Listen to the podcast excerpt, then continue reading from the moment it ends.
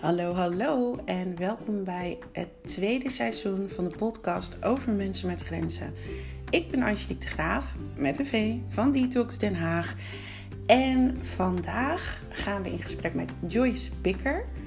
En ehm, dat komt omdat zij van de week tegen mij zei: Angelique, ik voel me naar als ik grenzen aangeef. En toen hadden we daarna een heel gesprek daarover.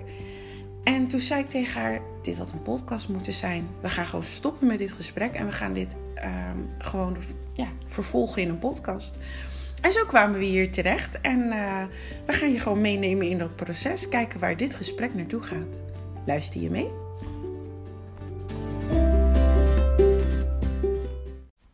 Hallo Joyce. Hallo.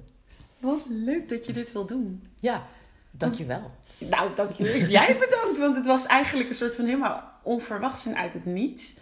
Uh, omdat ik dacht, nou, volgens mij worstelen heel veel mensen wel hiermee. Uh, het is ook wel lastig hoor, om grenzen aan te geven. Um, maar voordat we daarin duiken, wie is Joyce Bikker? Hm. Leuke vraag. Ja. ja. ja. Laat me gelijk oefenen met grenzen. Wat zeg ik over mezelf? nee, ik ben uh, dus Joyce, uh, inmiddels 42 jaar. Ik werk uh, voor een stichting in Den Haag die vooral sociale en emotionele thema's bespreekt met kinderen en jongeren. En inmiddels doen we dat ook met ouders en docenten. Dus dat doe ik met veel plezier. En dat vind ik ook leuk om dit soort thema's komen. Dus best wel, ja, in mijn face. Je zei het en ja. ik dacht het van, ja. oh, maar zou ze op de werk dan ook daarmee te maken hebben? Ook, ja. Ik had het ook al opgeschreven hoor. Van, had ik het al? Ja, grenzen op het werk. Komen we zo op terug. Leuk. Nou, dus eigenlijk het komt erop neer dat ik jou sprak en dat, dat het gewoon ja, zo ter sprake kwam. En um, wat er gebeurd was, was de afgelopen periode was jij dus eigenlijk heel erg druk bezig met het leren aangeven van grenzen. Ja. En op zich, uh, je, je bewustzijn is er, want het, het lukt en je voelt nu aan dat het moet gebeuren, maar je voelt je naar. Hoe komt dat? Ja, dat is de, ik denk de hamvraag. Het is echt bizar dat ik al een paar jaar er bewust van ben. Echt, echt actief af en toe mee oefen. Maar dat, dat nare gevoel, dat zit diep van binnen, denk ik. Um, waar het mee te maken heeft, denk ik, schat ik in, toch opvoeding op. Ja, toen ik jonger was, toch het gevoel dat iemand dan gekwetst is als ik nee zei. Dat ik dat misschien om me heen zag en dan dacht, oh, wat doe ik nou? Of uh, wat doe ik daarin verkeerd? Of dat, het, uh, dat men verwachtte dat ik ja bleef zeggen. Of dat heb ik misschien mezelf ingebeeld. Dat ik dat moet zeggen en doen. Dus dat, ik denk dat het heel diep ver gaat als ik uh, terugdenk. Ja. Ik denk dat het altijd wel naar is. Het, het, er zit altijd een beetje een naar smaakje aan. Hoe ik dat nare smaakje zelf een beetje onder controle hou, is. Uh, en dat had ik toen ook tegen jou gezegd: van maar tegen de tijd dat jij je grens aan moet geven, dan is iemand al behoorlijk aan de andere kant. Niet een klein beetje over je grens, maar tegen de tijd dat jij het moet aangeven, dan, dan, dan zijn ze al behoorlijk over die grens gegaan. Ja. Um, en dat zeg ik ook altijd als iemand bij mij in de praktijk zit. Dan zeg ik altijd van. Um, dan zegt oh, ik heb mijn grens aangegeven. Ja, echt erg, zo erg. nou, dat zal vast wel meevallen. Vertel maar. En als ik dat verhaal dan hoor, ik zeg, ja, maar volgens mij heb je gewoon gelijk hierin. Ja, eigenlijk wel. Wat is namelijk het alternatief? Wat zou er gebeuren als jij alsnog op dat moment niet die grens aan zou geven? Dus dat je dat nare gevoel zou wegdrukken en alsnog die grens niet zou aangeven. Ja, ja dat, dat besefte ik nog niet zo goed, maar ik, ik, ik wist niet meer wat ik, wie ik was of wat ik zelf wilde. Door het constant weg te drukken en de ander maar te pleasen en oh, ze zien me oh, ik doe iets goeds. Want ze zijn blij dat ik ja zeg, dat ik er altijd ben. En daardoor kan ik het, als je mij dan de vraag stelt, wat wil jij? Ik kan bijna geen antwoord op geven. Bijna niet. En dan heb je, eh, en dat is diep. Dat gaat uh, zodanig dat ik zeg, ik wilde van het nare gevoel af. En eigenlijk kan dat wel? Nee, nee dus. Uh, Wacht, ik heb geen antwoord. Weet, weet ik niet hoor. In mijn, oh, meer van, okay. in mijn gedachtegang. Van wil ik af van het nare gevoel? Uh, kan dat überhaupt? eh, en ik heb een soort van beslissing genomen van... Nee, volgens mij al, elke keer als ik ooit mijn grens heel stevig neerzet... dan zal het, al, eh, zal het een ten koste zijn van een ander. En dat is een soort... heb ik mezelf overtuigd daarin. Dus is het nu ten koste van jezelf? Ja. En ook de ander in mijn hoofd. Maar je zegt dat wel. Mhm. En, maar daar heb je dan minder... Lijkt wel alsof je daar minder moeite mee hebt. Dat het ten koste van jezelf gaat. Daar heb je minder moeite mee. Dan de gedachte dat het ten koste van een Ja. ander zou gaan. Precies. Precies daar. Dus de eerste vraag die bij mij opkomt is... Wie staat er op nummer 1? Ja, ik, en mijn eerste eh, natuurlijke reactie zou zijn de, de ander. En dat het ook zo hoort of zo. Ik weet het niet. Ja. Ja, mijn natuurlijke reactie is ik. Hm. Ja. Waarom? Als ik niet mezelf op nummer 1 zet, wie doet het dan? Juist. Ik ben dan gaan verwachten, denk ik, van anderen dat ze, dat ze mij op nummer 1 zetten. En hoe vaak gebeurt dat? Eh, disappointingly. Heel weinig. Heel weinig, ja. Ja, was- ik denk dat mijn moeder en mijn vader mij wel op nummer 1 heel duidelijk hebben neergezet. Dat is mijn geluk met mijn eh, lieve ouders. En, eh, en dat ik dat dan kennelijk dacht van, oh, zo hoort dat. Dus ik zet hen ook op nummer 1. En dan krijg ik dus later te horen van, hoezo doe je alles voor je ouders op elk moment? Wat, en jij dan? Ja, ik zeg, ik, ik heb geen keuze, ik moet het doen. Het is de, hè, zij zijn nummer één. Eh, en, en ik ben ook opgegroeid in een omgeving waar God nummer één zou moeten zijn. Hè, dat katholieke er om mij heen. Dat, dat was ook echt dat ik dacht, oh, oh, dus ik, met andere woorden, ik mag niet nummer één zijn. Dat is heel selfish, of ja, hoe zeg je dat? Eh, egoïstisch. Dus er Mhm. zat een nasmaak elke keer bij als je voor jezelf zou kiezen. Dus inmiddels sta je al op 3. Ik denk het ook. Dus ja. God naar ouders, naar... Ja. Ja. Wat niet per se iets slechts is, hè? Nee, nee, nee. nee. Het is niet, it's not necessarily a bad thing, maar Ja. ehm, ik ben gewoon benieuwd, want ik heb zelfs het vermoeden dat je niet op 3 bent geëindigd. Ik heb zelfs het vermoeden dat er nog een paar schakels ertussen zitten. Ik, klom wel, ik klim wel nu weer iets meer op hoor. Eh, maar dat klopt. Dat klopt. Dat voel je goed. En eh, dat is iets wat ik dacht, oh, met leeftijd leer ik dat wel. ik, eh, dat komt wel met leeftijd, bleef ik maar mezelf overtuigen. En dat, eh, nee, dat werkt niet zo. Nee. En ehm, dan gaan we terug naar die grenzen, hè? want dan, dan, dan wil je zo'n grens aangeven en dat voelt dan heel naar. En toen hadden we het in dat gesprek daarover en toen zei ik tegen jou van ja, je moet die inner Trump Ja. Naar boven halen. En daar bedoelde, hè, daar bedoelde ik Ja. mee van ehm, ja, dat programma, eh The Apprentice, The Apprentice bedoel ik, sorry.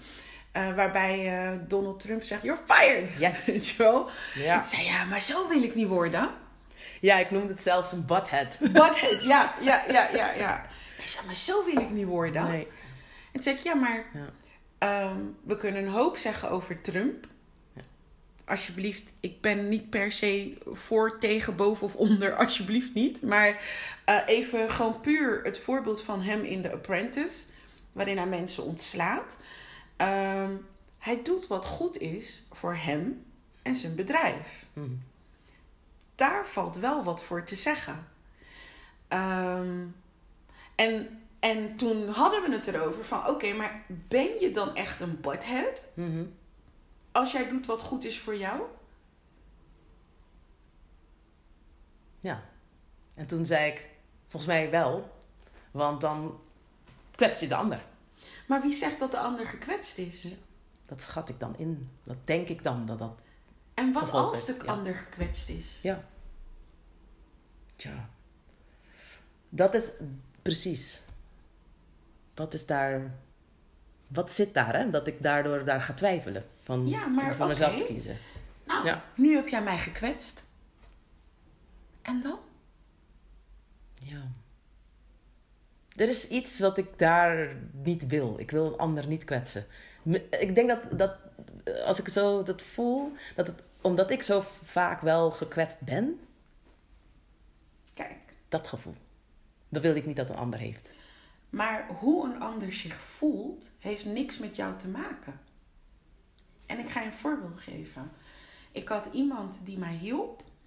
En die werd boos, want ik vroeg hoeveel werk er was gedaan. Dus hè, ik moet krappa vullen. En eh, eh, er worden gewoon een x aantal eh, bestellingen per dag, per dag gedaan voor de webshop. Hm. En als er bijvoorbeeld 100 bestellingen zijn, maar er worden maar 50 aan, krappa's aan voorraad gemaakt, eh, dan, loop ik, dan krijg ik een probleem. Want ik moet binnen 48 uur verzenden. Dus ehm, iedereen die krappa maakt, moet even melden van... Hé hey Anne, ik heb er zoveel gemaakt. Doe ik zelf ook. Als ik krappa heb gemaakt, zeg ik... Joh jongens, eh, er staat daar een doos. Ja. Daar zitten er zoveel in. En op, toen op een gegeven moment was die persoon ontzettend kwaad. En ik wist dus ook gewoon oprecht niet waarom. Omdat ik gewoon had gevraagd van... Joh, kan je even doorgeven hoeveel krappa je maakt? Gewoon, ja. Ja. Ik doe dat ook. Ik stuur ook gewoon direct een bericht van... Hé, hey, er staat daar een doos. Dus het, het registreerde dus niet bij mij. En die persoon werd daar ontzettend kwaad over. En achteraf bleek dat het was omdat eh, ah, die persoon vond dat ik geen vertrouwen had. Hm. Het had niks met vertrouwen te maken. Ik moet gewoon weten hoe we in de voorraad zitten. Want dan weet ik of ik moet bijspringen of dat ik moet handelen. En toen zei ik, oh, maar als dat is waarom je boos bent, dan moet je boos blijven. Omdat de vertaling die de ander eraan geeft, heeft niks met de realiteit te maken. Nee. Dus als ik vraag hoeveel voorraad hebben we en jij vindt je vertrouwt me nu niet, dan mag je boos zijn. Dat is je goed recht. Het is jouw trigger. Ja. Dat heeft niks met mij te maken. Dat is een vertaling die de persoon zelf heeft gemaakt en die de persoon zelf. Daar kan ik niks aan doen. Dus mijn reactie was: oh, maar dan moet je boos zijn. Dan, dan, dan is dat een keus. Want ik kan je hier niet bij helpen. Hm. En eigenlijk iedere keer als iemand eh, misschien wel zo'n reactie heeft, om wat voor reden dan ook, heeft het nog steeds niks met jou te maken. Nee. Als jij alleen met mij om wil gaan om wat ik voor je doe, is dat dan een gezonde relatie? Vind jij dat een gezonde relatie? Nee. Dus ik ga alleen met jou om, Hmm. want jij betaalt altijd de rekening als we uit eten gaan. nee, nee, absoluut niet. Absoluut Dat, niet. maar dat is lastig soms om te herkennen. Absoluut. En daar zit ik, denk ik. Van, ja. Waar, Het herkennen gebeurt, Ja. alleen de consequentie eraan verbinden Hmm. is waar je nu moeite mee hebt. Wat ik overigens snap. Want in jouw voorbeeld, wat ik zou dan... Want ik moest een beetje lachen meer om... Niet lachen, maar meer zo ongemakkelijk lachen. Want ik zou dat nooit durven zeggen, want dan ben je gewoon boos. Ik zou meteen af- verontschuldigen. Wie ik? Ik, nee, dus ik, als ik jou Oh, was... ik dacht, wie had Nee, moeten nee. verontschuldigen? Nee, ik? nee, nee, dus als ik in jouw positie was. Nee, nee, nee, nee. Want ik vind oprecht Ja. dat dat een van de basisdingen is. Ja.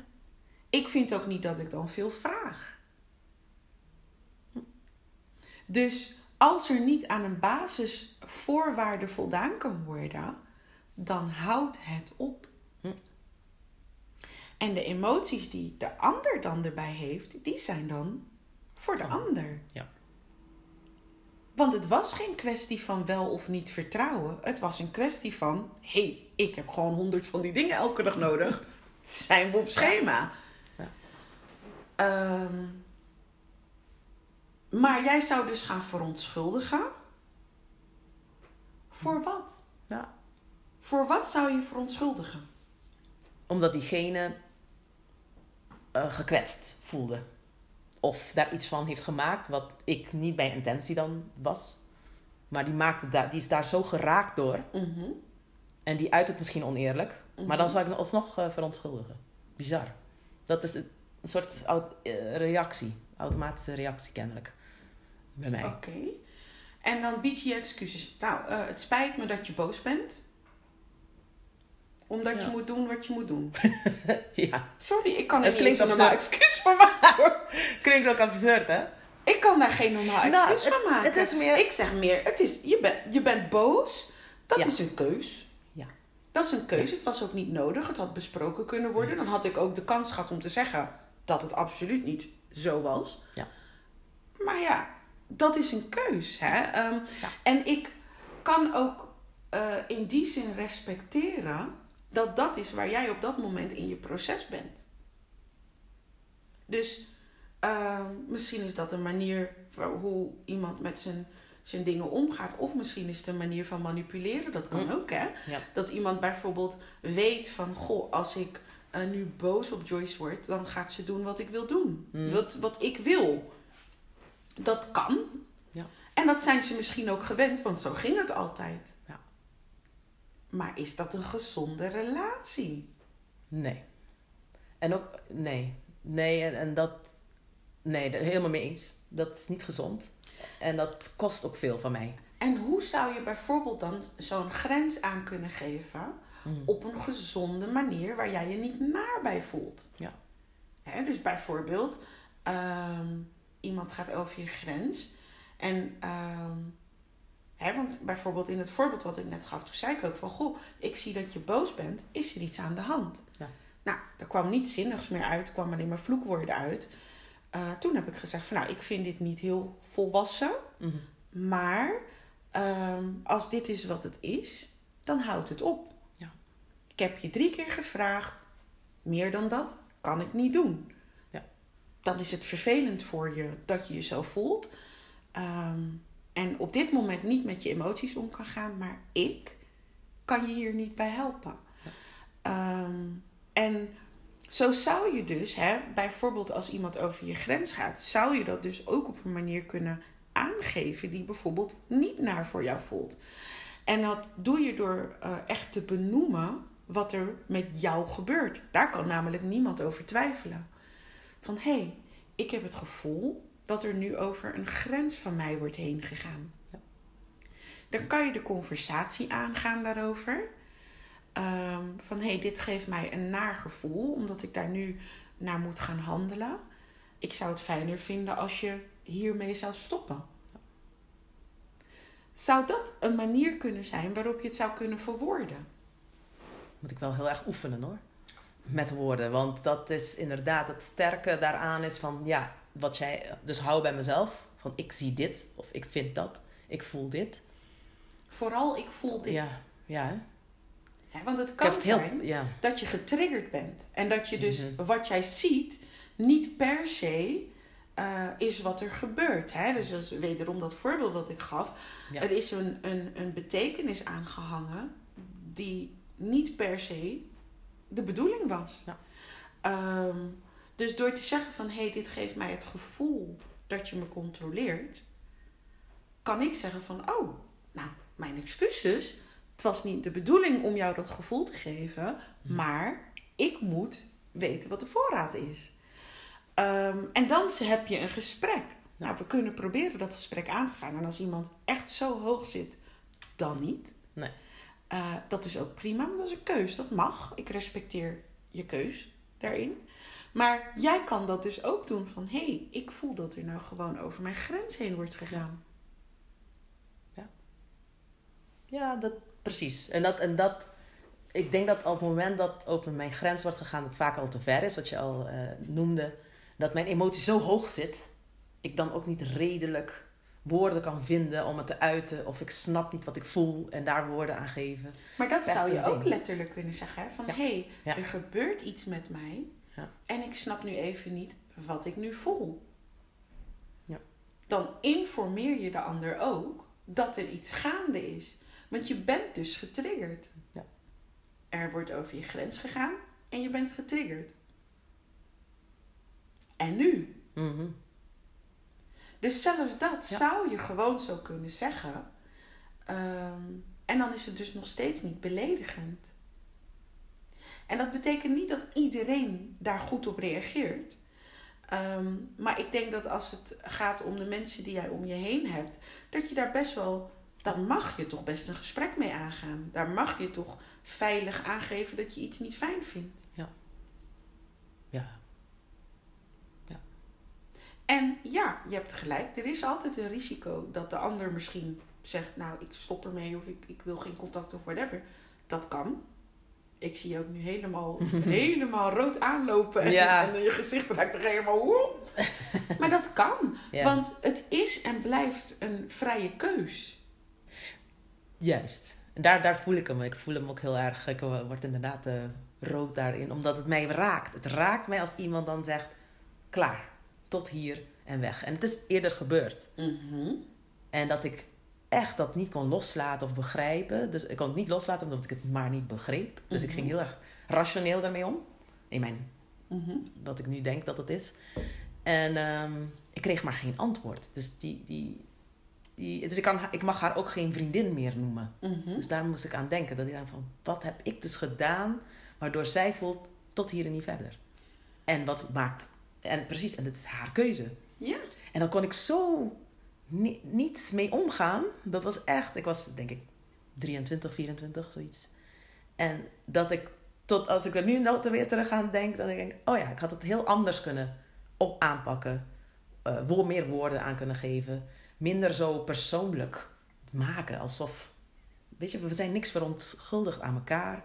We, eh, ja, die voorwaarden om met elkaar vrienden te zijn, dat kan veranderen. En dat moet Ja. je over communiceren. Maar dat ik heb ik dus niet kennelijk zo meegegeven of genoeg kunnen oefenen. Of Dus- misschien was zij getriggerd en kon zij dat ook, Ook niet. niet, dat had ook Dat kan, hè? Want Ja. het is wel twintig jaar geleden. Ja. Je staat nu op een hele andere plek. Ja. ja. Hm. En ik denk dat ehm, mensen komen en mensen gaan. En dat past dan binnen een bepaalde levensfase. Ehm, en ehm, ik weet nog dat vroeger zei mijn tandarts had dat tegen me gezegd van elke zeven jaar schoont alles zich ook op. Oh ja. Dus zo ergens rond die 21 jaar zullen, er, weer, zullen er weer wat nieuwe opschoningen komen. Ja. Ik heb dit jaar, er is zoveel veranderd in het afgelopen negen maanden tot een jaar. Eh, ik heb ook echt wel heel wat vrienden, hele goede vrienden die ik al heel lang ken, gezegd van ja, maar tot hier en niet verder. Ja. En nou ben ik 44 inmiddels. En heb ik het ook heel duidelijk gecommuniceerd van hé, hey, jij hebt dit gedaan. Ik vind dat niet fijn. Dit gaat niet meer gebeuren. En toen zei die persoon, nou ja, als het je niet bevalt, dan niet. Of eh, weet je, zo'n reactie. Ja. Nou, dat is prima. Dan houdt het hier op. Het ging erom dat iemand mij ging aanraken. Hm. Een vriend van me ging me aanraken. En toen heb ik tegen hem gezegd, maar ho eens eventjes. Dit wil ik niet. Ja. En hij deed zoiets, had zoiets van, eh boe, hoe, eh, nou moet je maar gewoon, eh, geen, moet je geen Ja. jurk aantrekken. Ja. Mm. Ja. En toen zei, en ik, ik, ik was gewoon flabbergasted en ik had ook gewoon heel eventjes nodig van, hè, is dit gebeurd? En ook tegen, toen zei ik het tegen mijn zus, want ja, het is natuurlijk gewoon een hele goede kennis in de familie en zo. Ja. En toen zei mijn zus, ja, ik geloof niet dat hij dat heeft gezegd. En ik zei, ja, maar het was via de app. En ik laat haar gewoon een printscreen zien van, echt, kijk. Ja. Dit is gewoon gebeurd. Ja. En ik snapte er zelf ook niks van. Nee. Maar ik wist wel van, ja, maar ho. Mhm. Duidelijk. dit kan niet. Dit kan gewoon niet. Nee. En, ehm, dus, maar ik kon daar dus wel over communiceren van, hé, hey, dit vind ik niet oké. En de reactie daarop was ook niet wenselijk. Het was dus niet wat ik had gedacht of verwacht van, oeh, sorry, je hebt gelijk, ik ging te ver of whatever. Hm. Het was gewoon, moet je maar een jurk aan doen. Ja, Zo. oké. Dus dan houdt het op, hè, die Ja. relatie. Ja. Want daar kan ik dus niet redelijk meer mee communiceren. En er is kennelijk een vorm van, ja, er is gewoon geen respect. Daar Om wat voor reden dan ook. Ja. En dan houdt het op. Ja. En uh, dus ik, waarom ik het tegen je zeg is, Mm. uh, wat Priscilla dus zei, van het leven is net een trein. En bij sommige stations stappen mensen in en bij andere station, stations stappen mensen uit. Om wat voor reden dan ook. Ja.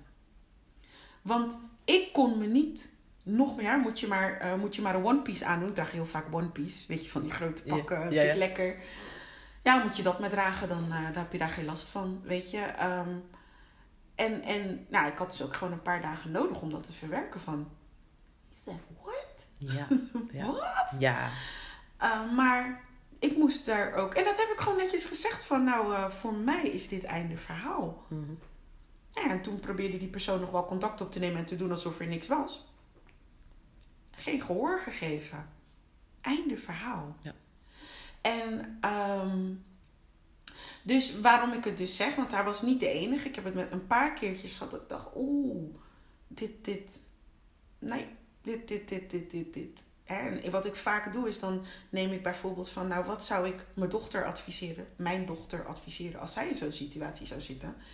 Ja, nou, weet je, dan houdt het gewoon op. Maar uh, dat was kennelijk gewoon het station waarop die persoon ging afstappen. Ja. Dat was gewoon, de tijd was gekomen. Het was een leuke vriendschap van 20 jaar en op het eind een beetje zuur, maar ja, Ja, ja. it is what it is. Wauw. Ehm, en dat kan ik dan ook accepteren, omdat ik erover heb kunnen communiceren. Er was een grens, je bent erover gegaan. Ik heb nog geprobeerd om te zeggen van... hé, hey, we moeten even hierover praten, dit is niet oké. En ja, Ja. dan houdt het op. Ja. Ja. En verder. En dan komt er ook altijd wel weer gewoon iets moois in de plaats. Daar niet van. Want eventually, ook al had je pijn van die vriendin waar je geen contact meer mee had, om wat voor reden dan ook. Ja. Hè, want het kan ook een trigger zijn waar jij niks aan kan doen. Dat kan ook, hè? Dat het gewoon een trigger was waar zij last van had Ja. In haar verleden, Ja. waar jij heel toevallig per ongeluk op een knopje hebt gedrukt. Dat kan. Dat kan ook, ja. Hè, je was jong en zij was Mhm. jong, dus. Hmm. Maar whatever the reason is, Ja. um, the train must go on. Yes, it does. Ja. Ik vind het ook mooi om ehm, dat symbool, die symboliek daarin. Dat, eh, ik heb ook daar iets daarin meegekregen, ik weet niet meer van wie, van de zeven jaar. Soms is het hè, mooi en zeven jaar minder. Weet je, dat je een soort cyclus hebt. Ook in relaties schijnt. Ik heb het ook heel lang niet begrepen dat alle vormen van contacten dat je hebt, dat, noem je ook allemaal relaties. Ja. Alles heeft ook zijn intro, tussenstuk, misschien afscheid, op momenten dat je het ook niet verwacht. En het loslaten daarvan. Eh, dat is echt iets wat ik, ja, mee, nou ja, dat vind ik nog moeilijk, het, het loslaten daarin. Misschien is het een kwestie van leven in het moment. Ja. Hè? ehm, ik had bijvoorbeeld... ehm, ik was 25 toen mijn moeder overleed. En hoe oud was ik toen mijn vader overleed? 2021. Het is nu 23, dat is al twee jaar geleden. Nou, 42 dan. Om, om en nabij ergens rond die 42. En de eerste keer was een shock. En de tweede keer was... eh, ehm, ik wist wat er zou gebeuren. Ik wist precies hoe dat proces ging en ik wist precies alle stappen. Hm. En dit keer kon ik dus die stappen opvangen. Ik kon alle stappen opvangen, Zo. want ik wist precies welke moves welke mensen gingen maken. Nou, hebben nog een paar maar hebben me verrast. Maar eh, ik wist precies van, oh, dan komt dat en dat komt dan. En, eh, hè? en hoe had ik het graag gewild? Zo, namelijk privacy. Oké, ja. Dus ehm, dit keer moet je dus opletten, omdat je privacy wilt, hou je mond en, eh, en, en pak het zo en zo en zo aan. You learn along the way. En je leert dus ook afscheid nemen. Hm. Dus eh, je weet wat een rouwproces is. Je leert afscheid nemen. En vooral accepteren. Ja. En daarmee bedoel ik in het nu leven en accepteren en genieten van misschien wel dit gesprek of eh, deze relatie zoals die nu is. Ja. Ehm, en dat betekent niet dat, stel je voor dat het gesprek voorbij is of de relatie voorbij is, dat hoe jij nu op dit moment geniet verandert. Dat ik een x aantal jaar een vriendschap had en daar heel erg van genoten heb, verandert niet door hoe het geëindigd is. Ja. Doordat ik jarenlang een liefdevolle vader en moeder had, het verandert niet. Die relatie en die momenten veranderen niet omdat er een overlijden is of omdat er een afscheid is. Dus je vriendin, de leuke tijden die je met die vriendin had, dat is niet veranderd. Nee. Jullie zijn alleen andere kanten opgegaan. Ja. En dat is prima. Mooi. Krachtig hoor, wat je zegt. Ja, nou, Ja. Ik, ik, ik, het is ook gewoon echt hoe ik Ja. leef en wat ik vind. Maar ik Mm. probeer jou daar ook hand Ja. vatten of vaten. Ik weet het nooit. Anyways, ik probeer je daar wat tools in te geven van just enjoy the moment. En wat er daarna gebeurt, dat weet je niet. En je mag daarin eh, wat basisvoorwaarden als het gaat om respect hebben. En je mag dus aangeven van nou, dit gaat over mijn grens. Dit vind ik niet fijn. Mhm. Daar beledig je niemand mee. Zeggen wat jij voelt en vindt. Ja. Misschien open je een conversatie. Want misschien heeft die persoon helemaal niet eens door dat hij over jouw grens gaat. Ja, dan ontneem ik eh, ook een kans of een moment van leren van elkaar. Of juist de relatie verbeteren of, vergroeien, of gro- vergroten of verstevigen. Ja, mooi.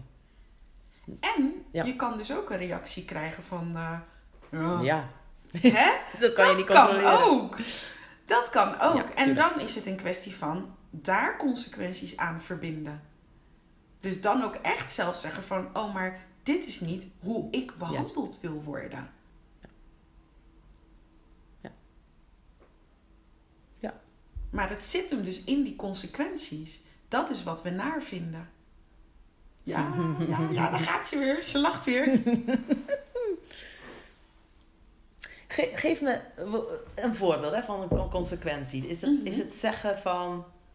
Stel, ik geef mijn grens aan. Dit vind ik echt niet fijn. Weet je, tot hier en niet verder. Of, nou, als je dit en dit vraagt of zegt, Mhm. raakt het me. Wordt je grens gerespecteerd? Eh, ja, ik voel hem pas later, denk ik. Te laat, als het niet wordt gerespecteerd. Maar misschien heb ik het ook niet goed voor mezelf verwoord. Wat dan dus de grens is en hoe ik wil dat de ander daarmee omgaat. Waarschijnlijk mis ik daar ook iets. Dus je wil eigenlijk ehm, meer in het moment opmerken dat er een grens overschreden wordt. Ja. Een behulpzame tip is de ik zeg nee olie, want die eh, zit heel erg op die energetische grenzen. Ehm, en dat klinkt heel raar dat een olie dat kan doen, maar dat doet hij wel echt. Dus die krijg je ook van me. Ik had al gezegd, jij krijgt van mij de checklist eh, grenzen, triggers en emoties cadeau. Als bedankje voor de podcast. En eh, ik ga je ook die ik zeg nee olie eh, cadeau doen. Nou, heel lief. Ja. Ehm, er, want in die checklist, Ja. de stappen die jij neemt, hè, want ehm, dat, dat vertelde ik je net al van, die checklists zijn dus ontwikkeld toen ik grenzen, toen ik erachter kwam dat dat mijn probleem was, heb ik eigenlijk dat proces bijgehouden. En daar heb ik een soort van eh, cheat sheet van gemaakt. En die cheat sheet, eh, eh, die, dat, dat zijn dus die, dat is die checklist, de, de drie checklists zijn dat. En toen ik het maakte, wist ik dus helemaal niet eens dat het daar naartoe aan het ontwikkelen was. Ik dacht gewoon, ik maak er eentje voor grenzen. Ja. En klaar. En ehm, daar kom je dus alle stappen die jij doorloopt, waar jij problemen ervaart met die grenzen ontwikkelen, die staan dus allemaal in eh, dat soort stappenplan. Eh, dat je bijvoorbeeld als je moe bent, gemakkelijker over die grens gaat. Maar ook eh, oefeningetjes om te zeggen van hé, hey, ik, ik, ik merk niet eens dat het gebeurt. Het, het, het gaat aan me voorbij en ineens denk ik, wacht even, dat was een grens. Dus daar heb ik allemaal, um, al die dingen ben ik ook doorheen gegaan. En dat heb ik allemaal genoteerd in een proces. En als je die grenzen dus eenmaal onder controle hebt, dan kom je erachter van, maar hou eens even, ik ben getriggerd. Of de ander is getriggerd. Hoe ga je om met iemand die getriggerd is? En hoe ga je om met je eigen trigger? Wat is een trigger? Dat staat allemaal in die checklist triggers. En dan, En dat, dat heb ik dus allemaal ontdekt omdat mensen het gingen gebruiken. En dan terugkwamen van ja, maar ik ben getriggerd. En dan, nou, kwam er een checklist trigger. En toen die checklist triggers er was, ja, maar wat doe ik nou met die emoties? Dus zo kwam de checklist emoties ook erbij. En daar leg ik ook weer precies uit van wat zijn die emoties en hoe heb je het bij jezelf? Ehm, hoe kan je dat herkennen? Dus dat heb ik van Priscilla, die psycholoog, ehm, het stoplicht. Van nou, ik voel me in balans. Je verliest de controle, je bent getriggerd. Een emotie uit het verleden is dus eigenlijk opgewakkerd. En dan zit je op oranje. En als je in rood zit, ik ben getriggerd. Maar hoe kom je dan weer terug naar groen? Dus je kan de stoplichtmethode gebruiken. Uh, in elke checklist zit ook een meditatie die je helpt met dat specifieke thema. Um, het herformuleren, 5G-schema, het herformuleren. En eigenlijk is die van de emoties is, um, vooral veel oefeningetjes. Hè? Uh, neem afstand, hoe kan je jezelf adviseren. Hè? Dus tools om ermee om te gaan, die emoties. Maar wat ik, waarom ik het eigenlijk nu erbij pak, is dat de essentie van het hele proces. En dit proces kan je dus iedere keer opnieuw beleven. En dan de ene keer heb je die grenzen wat meer onder controle en de andere keer de triggers. Maar je moet ze gaan herkennen om bij die emoties te belanden. En dan op het eind zeg ik: don't take it personal. In essentie is iedereen met zichzelf bezig. Ja, we reageren vanuit ons eigen referentiekader, ervaringen, jeugd en overlevingsmechanismen. En this isn't about you. Projectie is het sleutelwoord. Als je begrijpt dat een ander jou ziet vanuit zijn eigen wereldbeeld, dan begrijp je ook dat je niet hoeft te reageren op de triggers of emoties van een ander. Het draait alleen om jouw proces en hoe jij jouw emoties verwerkt. Dus dat hele nadenken hoe de ander mogelijk gekwetst kan zijn, dat leeft alleen in jou. Dat leeft alleen bij jou. Misschien zeg jij wel, Angelique, je gaat over mijn grenzen. zeg ik, oh, mijn excuus. Kunnen we het erover hebben? Ja. En misschien raak ik wel getriggerd en zeg ik, wat nou, jij en je grens? Rot op met je grens. Dat kan. Ja. In beide gevallen heeft het niks met jou te maken. Ja. En dat is dus een onderdeel van dat proces dat je dus onder controle wil krijgen. Dat is waar jij uh, eigenlijk net al op terugkwam van. Uh, nou, dat had je dus niet gezegd, maar dat was vooraf toen we het gingen bespreken van. Wat maakt, uh, ja, het, het zit diep bij mhm. jou. Wat maakt dat ik dit doe? Maar het antwoord zit hem dus eigenlijk in wat ik net zei van uh, enerzijds zit een deel van het antwoord zit daarvan je kan niet iedereen pleasen. En hoe ver moet je gaan voor dat pleasen? Misschien zijn sommige mensen al ongelukkig. Wat zit jij nou te pleasen? Dat zit jij helemaal moeite te doen om iemand te pleasen die gewoon onpleasbaar is. Ja. Het enige wat jij wel kan doen, is dus bij jezelf kijken: waarom wil ik pleasen? het is een ongemakkelijk gevoel, hè? Als jij misschien wel uh, niet pleest. Doe het toch maar. En ga door dat gevoel heen. Want op dit moment beheerst dat gevoel je leven. En daar ben je te oud voor. Je bent 42. Je wordt beheerst door een gevoel dat ergens in je jeugd ooit is ontstaan. Toen jij zeven jaar was en iets jezelf had wijsgemaakt. Van oh, ik moet iets zorgen dat iedereen happy is. Ja. Maar dat innerlijk kind, dat kleine meisje die heeft dat op dat moment gedaan als overlevingsmechanisme. En naar, dat heeft ze toen op die leeftijd goed gedaan. Maar dat hoeft ze nu niet meer te doen. Nee. Want hm. mensen zijn volwassen nu. Je gaat met volwassenen om. En die kunnen dat gewoon zelf. Hm. Dus ga door het nare gevoel heen. Ja. Pak een dagboek pak de checklist en ga door dat nare gevoel heen om te kijken wat erachter zit. Ja. Laat iemand ontevreden over je zijn. Zodat je erachter komt waarom jij er niet tegen kan. Ga maar huilen. Ga je maar naar voelen. En eventually zakt dat gevoel weg.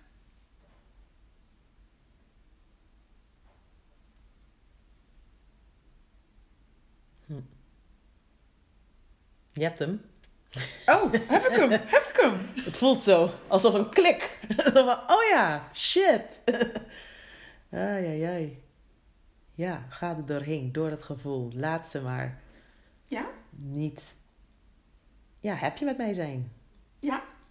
En dan? Ik, ik heb dat overlevingsmechanisme, heeft me heel eh, diep bedanken dat het me heeft geholpen, maar het is niet meer. Het hoeft niet meer. Ja. Ja. Dus voel de pijn Ja. En laat het gaan. ja. En de eerste paar keer doet het pijn. En daarna doet het wat minder Ja. pijn. En ja. het vaagt weg. Niet iedereen zal tevreden met je zijn. En dat mag. Dat mag. Die. Ik zeg het nu tegen mezelf, maar dat ook gaan voelen. Dat het mag. Het is oké. Ja. Hm. Ik heb werk te doen. Ai, ai, ai. Ja. En het is natuurlijk met familie en naasten is dat eh, vaak nog iets meer een uitdaging. Omdat, ehm, ja, om, om daar grenzen aan te geven. Ehm, maar hoe heb je er bijvoorbeeld in je werk mee te maken? Ja. Ehm, ik merk dat ik eh, best wel veel ja zeg gedurende de dag. Stel, mijn takenpakket zit helemaal vol. En ehm, ik heb echt een to-do-list van, eh, nou ja, noem het maar, on- ontelbare dingetjes. En het blijft maar vullen. Want ik zie een, bijvoorbeeld een collega in stress of nou ja, iemand in mijn omgeving, eh, van werkomgeving. Dat ik, heb ook, ik werk ook met externen die ook iets op dat moment nodig heeft. En dan schiet ik de hulp. Ik ga gewoon. Ze hebben me nodig. En dat geeft me een goed gevoel. Ten koste van, maakt niet uit hoe ik me voel. Ik ben nodig. En dat is iets waar bij mij ehm, een soort van... Ik heb mezelf geïnternaliseerd van dan, dan, then you matter. Want ze hebben jou nodig. Dus zeg dan ook, ja, laat het ook zien. En waardoor ook gelijk de pressure heel hoog komt. Ik mezelf vergeet. Waarschijnlijk mijn grens ook niet meer voel. En moe ben. En dan afvraag, goh, hoezo zit mijn to-do-list nog best wel veel? En hoezo heeft, hebben andere mensen het niet zo druk? Of lijkt het zo? Of maak ik me druk? Of zit, ligt het toch aan mij? Is het mijn tijdmanagement? En hoe Ach, komt ja. het? Ja. Dus, ja, dus oké, jij ziet je collega's eh, stressen en ehm, denkt, oh jeetje, die moet ik helpen. Wie ziet jouw stress? Mijn collega's zien wel Ze ook. zien wel. Ze zien het ook bij mij stressen. En dan? En dan willen ze, bieden ze het ook aan terug van, kan ik jou helpen? En dan kan ik Mhm. het niet verwoorden met wat. ik zou niet weten met wat. Oh, maar dan zijn het wel lieve collega's. Dus, ah, yes. Ze zijn echt schatjes. Ja. Ja. Ja. Dus ehm, eigenlijk wat jij nodig hebt is een realistisch schema. Maar jij moet je Ja. eigen rooster dan ook gaan respecteren. Daar. Dus dat betekent dat eh, eigenlijk als jij bijvoorbeeld, ik noem maar wat, drie telefoontjes moet plegen. Nou, hoeveel tijd plan je daarvoor uit? Hmm, misschien 10 minuten per, per belletje. Heel goed, maar moet er na dat belletje nog wat gebeuren? Yep. Plan je die tijd ook uit? Dat mag ik slimmer gaan doen. Ja. Ja, dat eh, vergeet ik soms. Ja. Dus eigenlijk, je zou bij wijze van eh 20 minuten minstens voor zo'n gesprek uit moeten plannen. Want één, het kan uitlopen. Mhm. Twee, er moet misschien geregistreerd worden of er komt een handeling uit. Ja. En drie, wil je daadwerkelijk back-to-back heel de tijd bellen? Misschien moet je wel een half uur voor dat gesprek uitplannen. Ja. En als je dan anderhalf uur daarvoor hebt uitgepland en je bent eerder vrij, kan je misschien naar de volgende taak. Ja. Maar de kans dat jij van over die drie gesprekken anderhalf uur doet, is behoorlijk groot. Ja. Dus dat betekent dat je veel ruimer moet gaan plannen. En dat moet je ook doen, want er komen kennelijk dus ook dingen tussendoor. Ja. Ja. Hm. Ik ging echt bij mezelf na van, ik moet sneller. Ik moet sneller, ik moet beter worden. Ik, moet, eh, ik, ben, ik doe het niet goed genoeg. Echt, dat, dat gebeurt intern. Like, Ja, en ik zeg het moet langzamer. En je moet er de En- tijd voor nemen. exactly. En mezelf, wat je daar ook mooi zegt, eh, mijn eigen rooster eh, respecteren. Ja, Dat.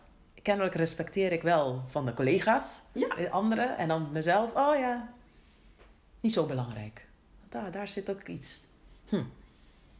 En dat, want dat is het leuke. Hè? Dan pak ik heel even Ja. die checklist weer erbij. Want de ene eh, kant is inderdaad dat observeren, voelen en welke emoties zijn er. En de andere kant, de basis van grenzen. Respecteer oprecht je eigen tijd en energie. Dat is regel nummer één. Kijk.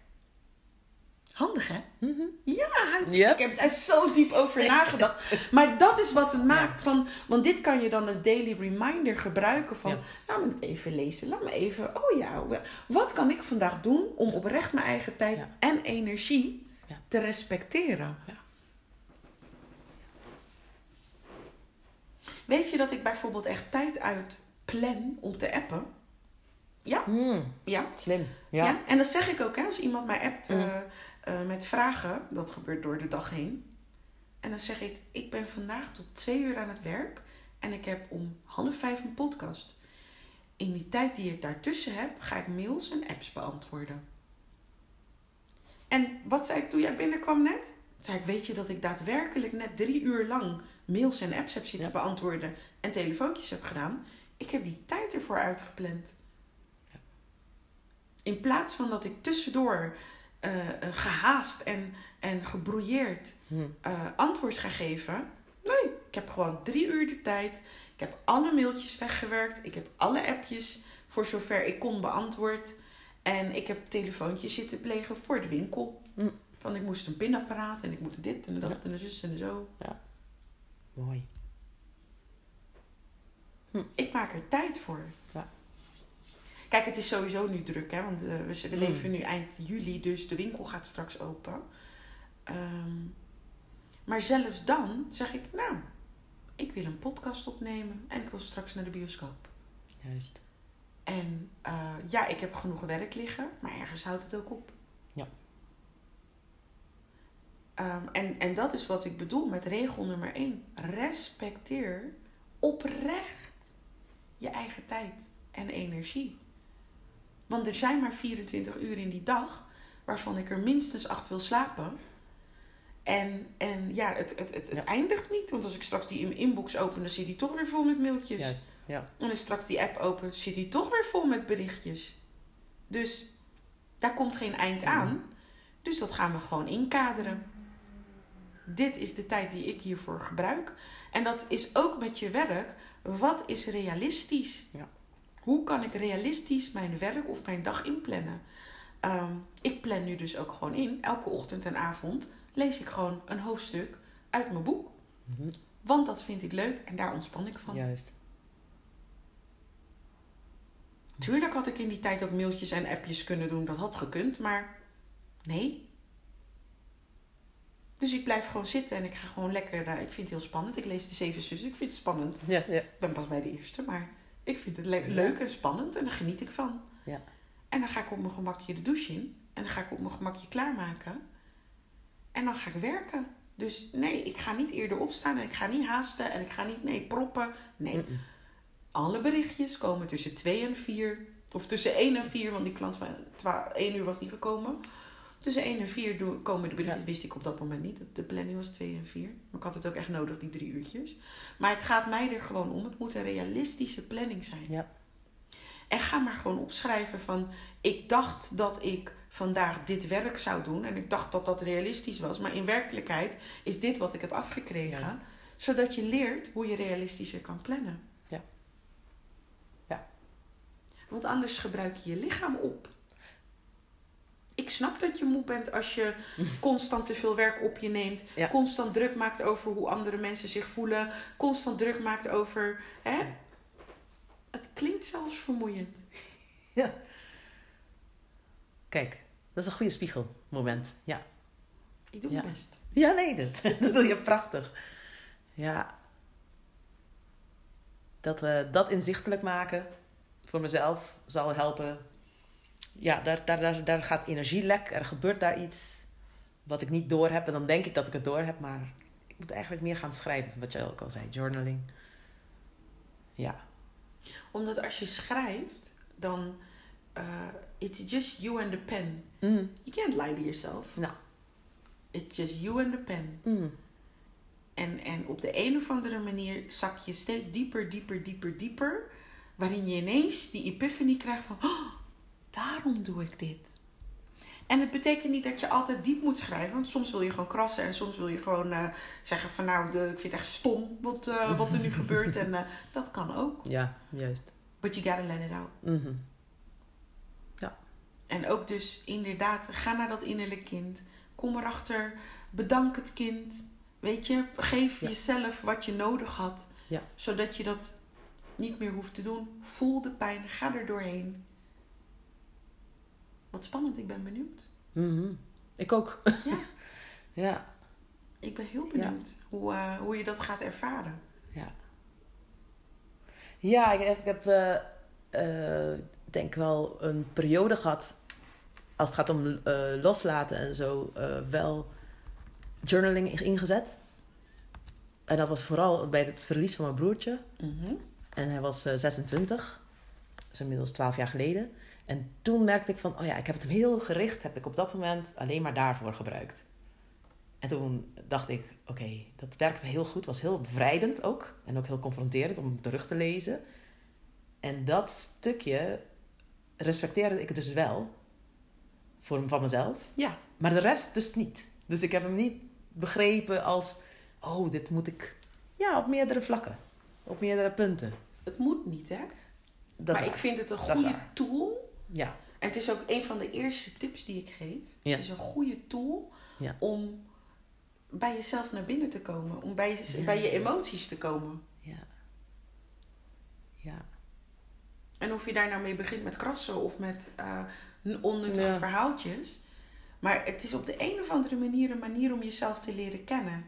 En in dat geval, met het overlijden van je broertje, had je dus wel ehm, zoiets van: hé, hey, ik zet mezelf op de eerste plek en ik moet hier op een gezonde manier doorheen komen. Ja. Ja. Eigenlijk zou je dat nu nog steeds kunnen doen. Zeker.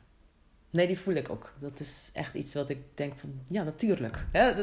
Het makes sense. En dan het doen is nu de volgende stap. Ja, maar dat, dat kan over vijf minuten al bewijzen. van. Precies.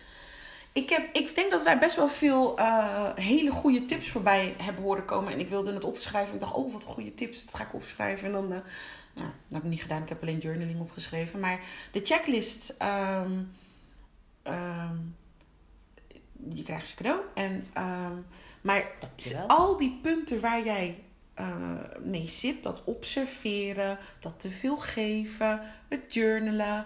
Ik wijs het nu aan, dat zien jullie niet.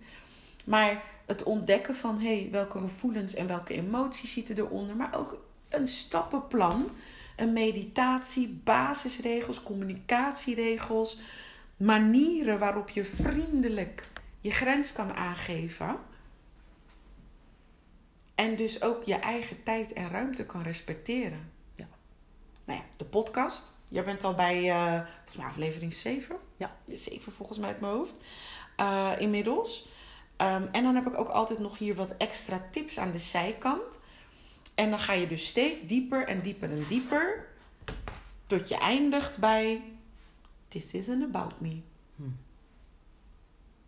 Waarbij je eh, enerzijds dus kan respecteren van... hé, hey, dit is een mens op zijn, zijn of haar levenspad... die zich wel of niet zo voelt. En anderzijds, hé, hey, mijn gevoelens zijn ook belangrijk... en daar mag ook rekening mee gehouden worden. Ik ga straks in de outro proberen om een, eh, een samenvatting... van, van alle handige tips die we, die we hebben besproken... Ehm, jouw hamvraag was: wat maakt dat ik zo heel erg wil pleasen? Dat is waardoor je grenzen steeds overschreden worden. Heb jij daar voldoende antwoord op? Of wil je, dat ik daar, wil je daar nog dieper op in? Het voelt als echt voldoende antwoord in de zin zelfs nieuwe inzichten of oude inzichten met in een nieuw jasje, zeg maar, om te, dat te herkennen. Nee, ik, ik, je hebt de essenties eh, een paar keer al te pakken. Ik noemde het al. dat ik denk, zo, daar zit hij. Dus dat voelde ik. En, dat, uh, en ik wil je bedanken daarvoor. Want dat voel, voelde ik oprecht hier. Dat, uh, dat, ik kan er zeker wat mee. En ik voel ook dat dit ook de next step is. Ja, ja, Ja. Why did you not know this? I do not know.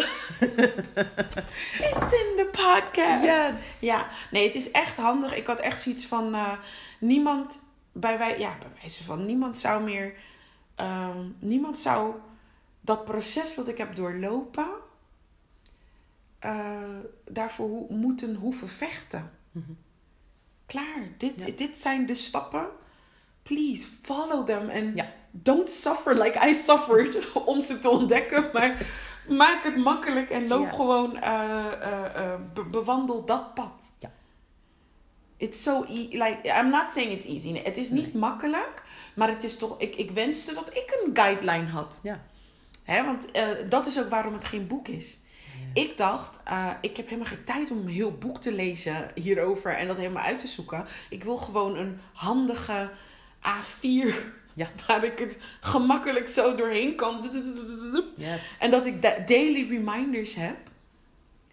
Waardoor ik het. Hè, en soms heb ik, moet ik hem zelfs teruggrijpen. Soms moet ik het zelf moet ik grijpen van: hé, hey, wacht even, jij bent getriggerd. Aha. Pak je lijst. ja. Mooi.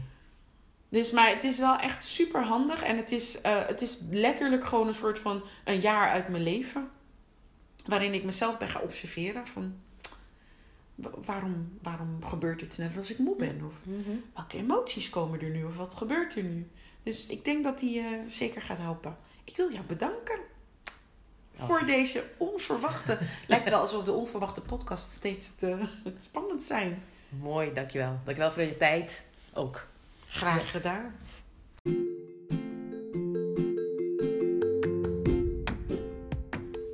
Ja, ja. Dat was een leuke kick-off.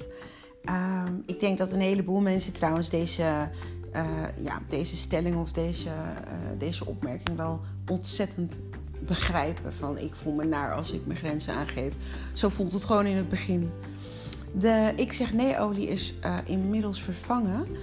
Dat is Tree Touch van doTERRA. Die staat gewoon op shop.detoxdenhaag.nl of je komt in de winkel langs bij de Leiweg 1260 tegenover het stadsdeelkantoor. Als je je paspoort of zo kunt maken. En anders kijk je gewoon online. Ehm, werking is precies hetzelfde. T3 Touch van de Terra. En ik spreek jullie de volgende keer weer. Een mooie kick-off van het tweede seizoen. Doei!